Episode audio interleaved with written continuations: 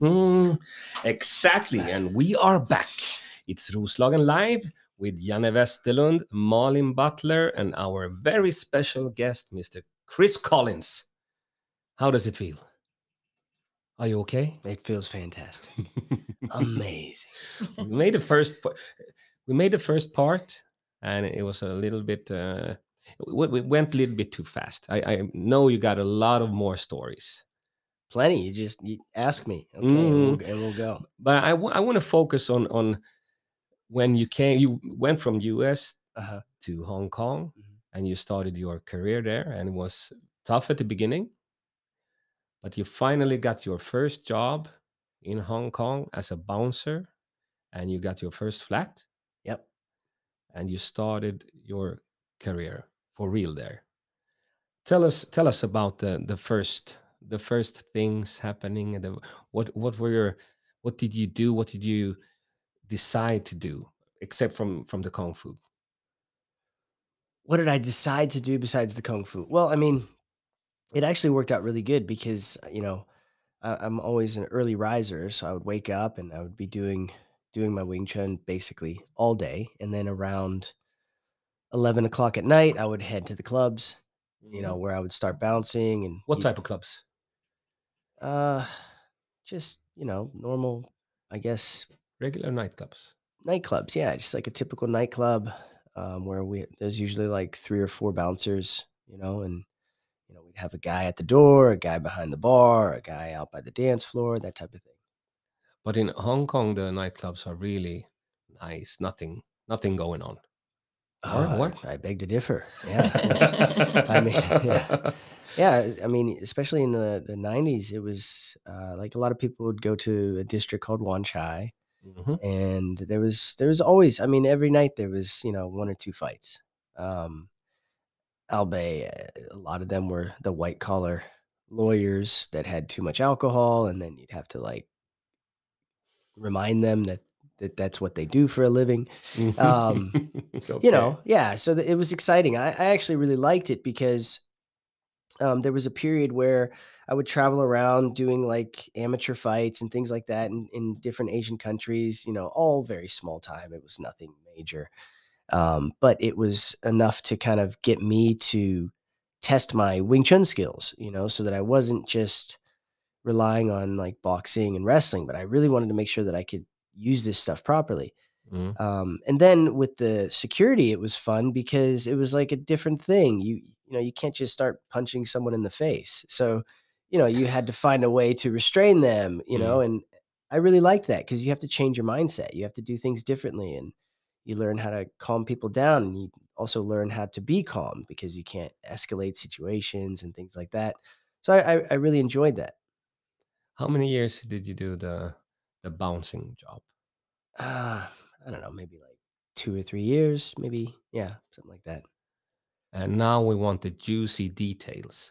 What was the best with it or the worst with it? You can choose. The best? Ah. I don't know. I, I, I liked being around the guys. You know, it was fun. You know, it's like everybody shows up and you're doing your job. The atmosphere is fun. There's there's always plenty of beautiful women, and you know, it's that's nice. Uh, and you always end up with a, a guy that comes in who wants to create a lot of ruckus, and you can see it in the eyes of the guys that they get really excited. Like, oh yeah, we're gonna get to fight tonight. You know, so that was always fun you know, guys wanting to pull bottles and things like that. So it was, I, I really liked it. I mean, the only negative was just that you finished, you know, like three, four in the morning and you're pretty wide awake and you get home and it's daylight. And like, okay, I got to get a few hours of sleep before I wake up and train. Mm, You know, that was the hardest part. mm. And so, what about more about the training and and in the early days in Hong Kong? Uh, You were you were at the gym Yep. with your Sifu. hmm What what is Sifu short for? It's your teacher. teacher. Yeah. Tell tell us more about your Sifu. I, I think I, I really respected his character most of all. Um, he's such a stand up guy. you know, real just straight arrow. There was like never any controversy with him. He was just very calm, when he taught, you know, like he didn't speak a whole lot, and I liked that because you don't have to talk a whole lot when you're doing martial arts. It's it's all about the action. Um, I will say that was the hard part for me because, you know, trying to learn Cantonese and being instructed, there was never any explanations really. So I had to like figure things out, you know, so it's just like you're testing over and over and over and can your mind grasp what he's trying to teach you? So I really enjoyed that part of it. Um, and the fact that he was a very kind of simple person. I like that he's also a Chinese bone setter. So he could fix the bones after he would break them. And I thought that was kind of cool. Um, and I, and I think I caught him at a good time to where he wasn't he wasn't old yet. He was still young, so he still he would still chisao and he would still spar with all the students. You know, he'd make his rounds every class. He would make sure he spent time with each student. And I liked that none of his none of his idea in the system was like flash moves or speed. It was just very simple, straightforward, very safe. You know, he's always you know, if you were to say you have like an offensive fighter and a defensive fighter, or you would have a like a counterpuncher. that was him. You know, he'd just kind of always look for like a good safe position before he would do anything. He would never like go into a risky way of working with his arms and legs. And I liked that idea because, you know, later when I would train with Leung Ting, you know, he was a lot more speed and aggression and ferociousness and really bringing out that physical prowess and your skill. And so I think it was a very good balance to understand two different mindsets from two people that were, you know, your mentors, you know, who you Mm, really loo- looked up to. it's a little bit of the yin and yin yang. Yeah, I guess you could say that. Yeah, for sure. So I I I hope that I was able to adopt that idea in my Wing Chun, you know, Mm. and then obviously put my own personality into it. So when did you come up with the, the the idea what you wanted wanted to wanted to do this, being a teacher also, a Sifu? I I always wanted to teach. I, I love teaching. Um, I mean, I knew that like while I was learning this, I would teach it one day. So I paid special attention to all the details. I had journals that would just stack all the way up to the ceiling. Um, and sometimes I still read them, kind of see where my mind was at, at that age.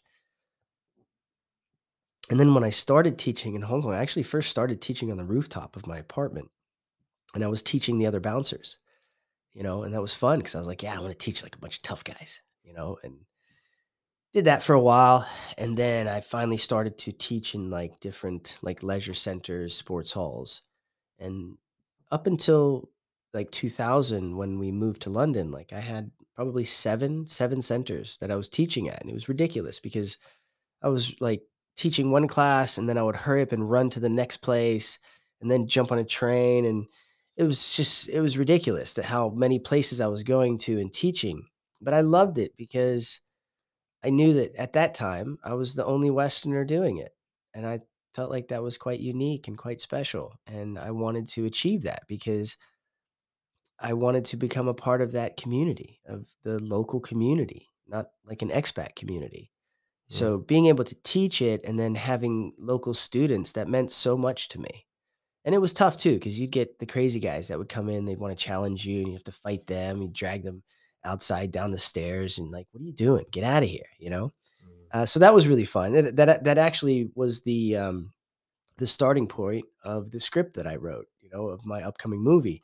So that was that was really cool because my manager was like, "Just tell your story. Just tell your story, and then we figure out how to turn it into fiction." And I was like, "Cool." And I just started writing about that of you know basically just being an outsider and working your ass off to become an insider, to become part of the community. So even though you have like that selfish mentality of I'm just focusing on myself. I just want to train. I want to be the best that I can be and I don't care about anybody else. But in that process, you end up caring about the community because you want to be able to share that with everyone and and be accepted, you know? We all want to be accepted in, in whatever we do, like whatever profession you jump into. You want to be accepted. Of course, you know, you need to do the work, you know, you have to put in the time and uh, yeah, so like that. Mhm, mhm. Eh, eh, You mentioned London and, Yeah, and you mentioned movies. yeah, Before we talk about the movies, I want to talk about London. Why London? You were in Hong Kong, you were building something, and then you why? Yeah, so, as I mentioned, my wife is she grew up in London, Ah, and then and then she moved to Hong Kong, and this, you know, year 2000, it was, you know, post handover and all that, and she wanted to go back to London and see see how that would go because her her family had businesses there and and this amazing restaurant that she wanted to go and run. Mhm. And, um, and I thought, you know, "Yeah, sure, why not?" Like, why would I be selfish and just say, "No, I just want us to do this." It's like, "Yeah, let's go do this, let's try out this adventure." I knew that I could just teach when I got to London, so it was, like, no big deal. And at this point, I had my Sifu had already given me the title of Sifu, so I knew that this was the time for me to start, Oh, yeah. you know, testing Mm. myself with teaching. And, uh, yeah, so, uh, we're in Central London, uh, right next to Regent's Park, and then I opened up a school in Camden Town, which was really cool to me. It was, like, such a cool kind of, like, hipster town. It used to be a really bad town, I was told, and then it became, like, a really cool, like, art artsy town, Mhm. uh, 'cause my mother-in-law had a restaurant there, a Thai restaurant called Galangal, and, uh, she let me use the storefront or the storeroom above it, and I would teach there. And it was super cool, I I loved it. how big was it? How small was it?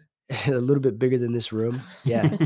But it was fine, you Oh, know, yeah? I I didn't mind, and, um, it was cool because, like, I would run from the house, uh, around Regent's Park and then to the other side to Chalk Farm, and Chalk Farm was where the Kronk gym was, a boxing gym. So I would go to the Kronk gym and do my boxing in the afternoon, and then I would go to Kem Can uh, Camden Town, and then I would teach the Wing Chun in the evening class. So it was it was actually really cool, and then I I I was bartending as well. I did some Mm. bartending, I had no idea how to be a bartender because I don't drink, but it was fun, people order drinks, and I I'm sure that I made them really strong or really sweet, um, and yeah, it was it was hilarious. So it was a fun experience, um, and then, of course, you know, 9/11 hit, and then, you know, you get called back immediately. So I I was back in my unit at, like, uh, 48 hours. Mhm. But London was fantastic, I loved it there. Cool. Malin, do you Yeah. have any questions? Yes. When I listen to you, you have, like, a lot of confidence and also real humble. But don't you ever, like, go back and think about things that happened to you that you always almost amazed about that you did? Because it's quite a journey. I don't know, I, I get asked that a lot, but, Really? uh, I don't know, I just, uh I don't I don't I don't know, I don't think about that, I just You ever you ever read that book, The Five-Second Rule? Nope. Nope. Yeah, well, I had some friends tell me about that, and I was like, "It's a really great book, it's kind of like the way that I think." It's, you know, it's basically like when you decide that you wanna do something if you let it pass 5 seconds, then you're probably not gonna do it. You know, Mm. like, "Oh, I'm gonna wake up, I'm gonna go for a run." Mhm. You know, and then you sit there for a minute, you look at your phone, like, "Yeah, I'm not gonna go for that run. I'm gonna go have a cup of coffee." Right? Like, and I and I've always been like that, it's like if I I I'm very impulsive, is what my friends tell me, I'm very impulsive.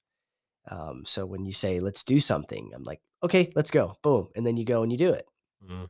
Um, so I don't spend a lot of time thinking about the what ifs and what if this happens and what if that I mean, I'm I'm very observant, I mean, I pay attention, like, I'm not gonna, like, put myself into a situation that I can't get out of, but that's also my motivation is I never wanna be in a situation that I can't get out of, that I can't handle.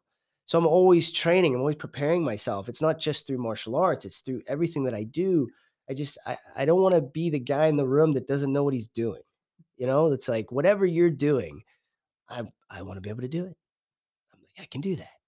Let's try that." But you haven't, uh, done stand-up comedy. I haven't done stand-up yet, I haven't built up the courage yet to do it, uh, but I love it. I love it, absolutely, like, when I teach my classes, I'm like a comedian. A pretty bad one. I I I I even tell Those are the best ones. I don't know, I tell dad jokes, it's so it's horrible. And and my students be like, "Yeah, that was a bad one." I'm like, "I don't care, just shut up and, I don't know, laugh. Make me feel good." I am the Sifu here. Now you laugh, and then we fight. Yeah. So Alright. so, yeah, I yeah, oh, sorry, go ahead. Have you like, written a book or something about your life? No, but again, yeah, everybody tells me that I should do that, but I say to them, "I I have so much to do. I have so many things to experience, I don't think I could write the book yet." Uh, you know, like I think you do. I don't know. I, I want to write more. I want to experience more. I want to learn more about myself. I want to I want to fix myself. You know, like we all make mistakes. We all do things wrong, and you want to immediately recognize it and and and fix it and become better. Um, yeah, because like I I I said earlier, is I, I put all that thought of like it's about my son Mm. you know, and I want to I get the my hairs are standing up on my arms when I talk about this. I get emotional, but I just I love him so much. It's crazy. Like more than myself, 100% easy. And it's all I think about. It's like I, I want to always have the courage to go out and do whatever whatever it's in front of me. And and and it's going to make me a better person. And I want him to see that so that he is not afraid to do those things. That he'd be like, yeah, I'm gonna try. Like the other day, he sent me a the WhatsApp, you know, while I was traveling, and, and he's like, Hey, I just replaced my CPU, my motherboard, and all this. And he sends me a photo and he just did it all himself. And I'm so proud of that because I'm like, yes, dude, I'm so proud of you. Like that's what we always talk about is be independent. Don't rely on people, especially for small tasks. Like we're so lazy, right? It's like, oh, I have to, you know, fix this or change this. I got to call the handyman or I got to do this or let the helper do that. And it's like, okay, I get it, but do it yourself. You know, figure this stuff out. It's not hard. Everything that we experience is created by another human being. So that means you can do it too, Yeah. right? And so, like, whether I'm teaching, uh, like uh, early on when he was young, he was very shy and afraid to do things. So then I put him on a motorbike. Taught him how to do motocross, you know? And I was like, you can't you can't freeze up. You can't be afraid because you actually have to accelerate into that jump and you have to know your stance. You have to know to work the gears and the shit and, and you know the clutch and you have to know how to adjust your stance right. Otherwise you're gonna fly off the bike and you're gonna break your neck and you know little things like that. And I watched him become more confident and he became fast at uh, his decision making skills where you're not just kind of like, ah, I leave it you know? Like, yeah, stuff like that. So that that's that's really my motivation. That's what I think about. Even though, like I said earlier, it's like you have these selfish desires to do things for yourself, but in the end of the day, it will benefit others, not just yourself. Good. And uh, motivation of uh, otherwise you break your neck is also good. Yeah, yeah. Pay not- attention. Well, it's pay it's attention. focus, right? Like Mm, yeah, how often do we do things where you we're have to not be right here concentrating? right now. Yeah, absolutely. I want to change path now uh, because I know Malin wants to talk about the movies. We're a little bit too deep here, talking too deep, and, and you almost fell asleep, Malin. no, I didn't. Oh man. That's not nice. It's a joke. I'm joking. Oh, okay. What about your movie career? You went back to Hong Kong? I don't even know. I don't even know if you can call it a movie career. I would love it to be a movie career. It is. You know, I love doing movies. How many movies have you done? Uh, like I said, it's like somewhere like 11 or 13 or something. Yeah, I it's a can't, I movie can't career. remember. I don't know. Tell us about it. um, as as a child, I was heavily influenced by movies, as we all are. I think you know from the 80s and 90s. Like, I, I actually I was I was talking to uh, to Simon about it the other day. It was like we got out of the car and I said, "We walk from here," you know, like the old Indiana Jones, and you know, but like the kids nowadays, like they can never quote these things from movies because they don't pay attention. They're like on YouTube when you're trying to watch a movie. So, like for me, yeah, movies was a huge influence for me. I, I you know, I'm sure that I tried to become all those characters that I watched and Mm. wanting to follow in those footsteps, you know, like yeah, I mean even Bruce Lee is a is a is a hero to me. Arnold Schwarzenegger is a hero to me. Sylvester Stallone is a hero to me. I love these guys.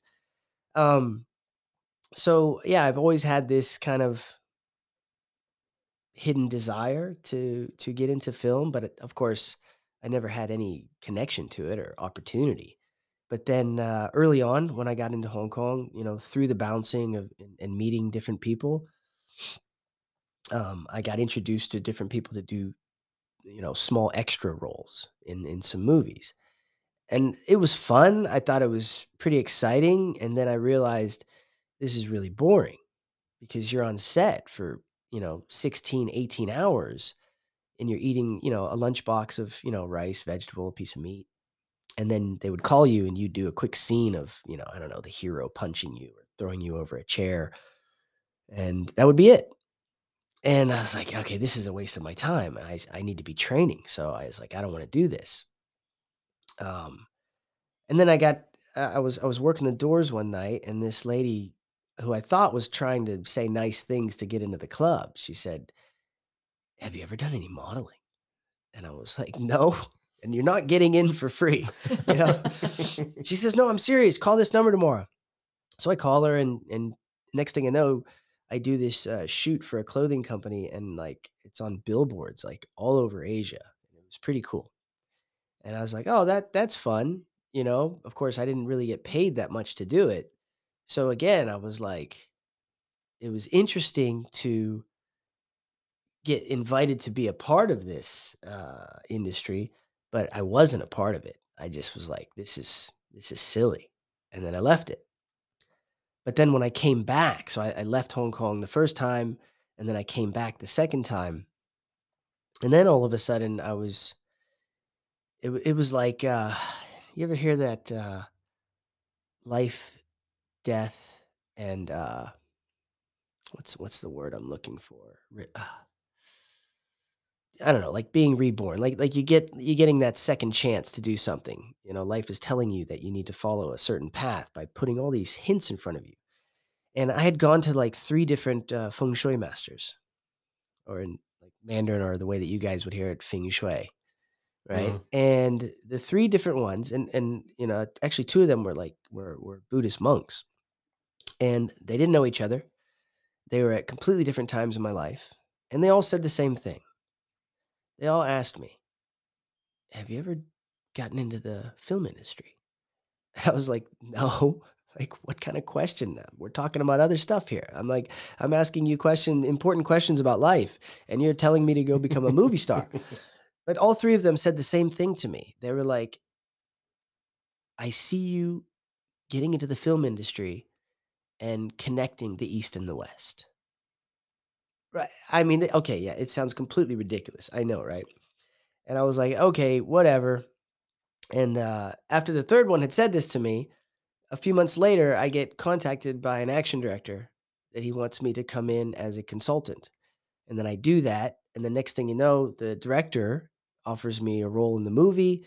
I do a role in the movie, and then uh, and then I he asked me to be part of another movie, and so I do that movie. So two movies right there, back to back, and he's on his third movie, which is another big movie. So the the first movie was like including like three massive stars in Hong Kong, and so I get to meet them and have scenes with them, and that was really cool.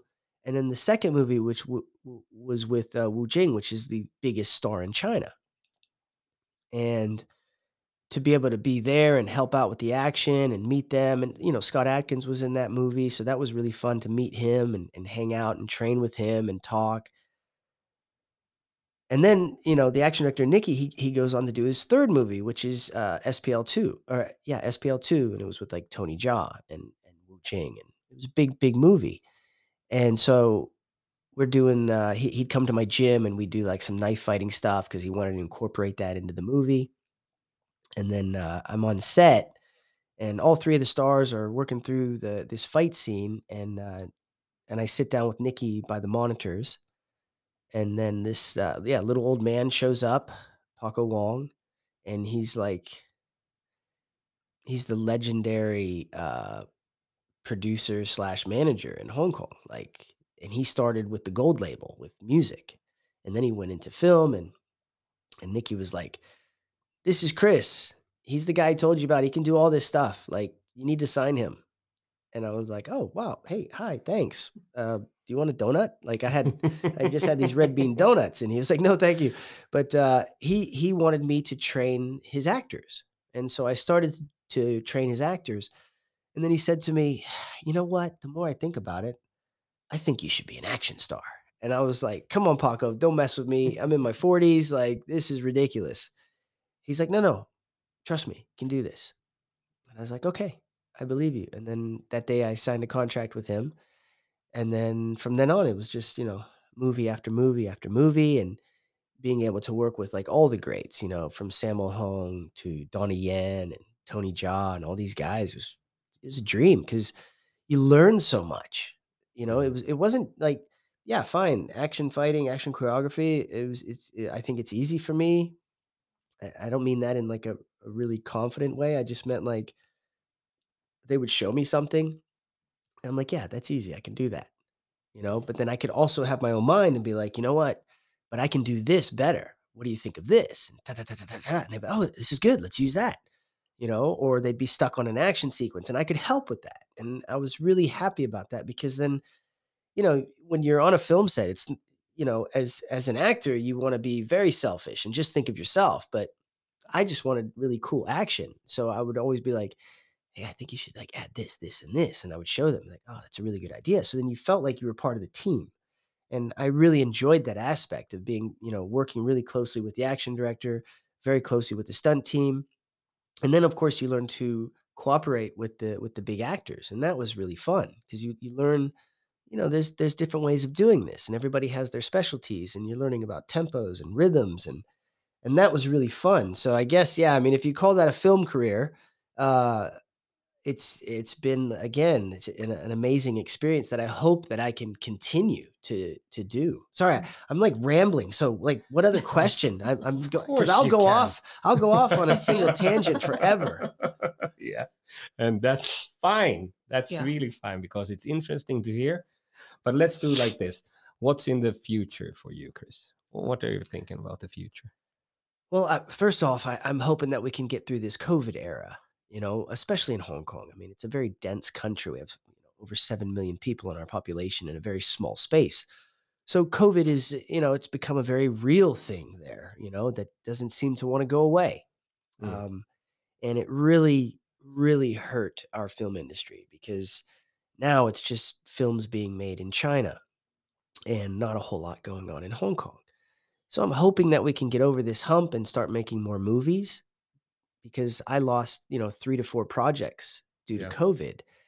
Uh, but luckily, during that time, I managed to, you know, finalize the last version of my script. We managed to get all the budget in order. You know, we were basically we started like casting for all the additional roles, and then all of a sudden the investment disappeared because of the the COVID. So my goal for the future is I will not give up on this movie that I call uh, Ruckus Factor, or in Chinese, Tekun. It's like to kick the door, right? To Mhm, mhm. challenge. Um, I will not give up on this. I will continue to pursue it because, uh, like I said, it's it's my dream to do this. And you know, when you say film career, I don't feel like I am have a film career until you know I can I can carry a movie. You know, where I know that I can handle the job as the lead. I know I can handle the job as the action director at the same time as well as you know being the original script writer i didn't write the whole story because obviously i'm not a script writer but i wrote the initial story which was like a lot of pages and uh, and then it got turned into a you know a fictional story um, so i'm yeah like i'm i'm going to london you know later on this uh, this month and i'll meet meet with some film companies and talk to them about their interest because uh, i feel like if you do it it's kind of like rocky right i mentioned sylvester stallone earlier like he was a struggling scriptwriter and Mhm. he wanted to write a story about his struggles and what he was going through but he knew that no one's going to be interested in that boxing was really popular at Mm. that time so he made it as a boxing character but like i watch his interview all the time when he talks about that and i'm like you know i'm i'm trying to do that same thing you know and i've i've yeah i've done i've done stuff in the film industry Mm. but I I want to be able to do it and and be able to carry it myself, you know, so to speak. And even though it's like a whole team, right? But I want to be able to to say that I gave it my all. I did it. And if the audience doesn't like it, okay, fine. Then I'm done. But if the audience likes it, which I know they will, Yeah. be the best action ever, Yeah. then uh, then I will know that I have a film career because then I will be able to do more and more. Ruckus Factor 2, Ruckus Factor 3. Chris Collins, the man who has done it all. almost. Almost. Thank you for doing this. Really nice. Malin,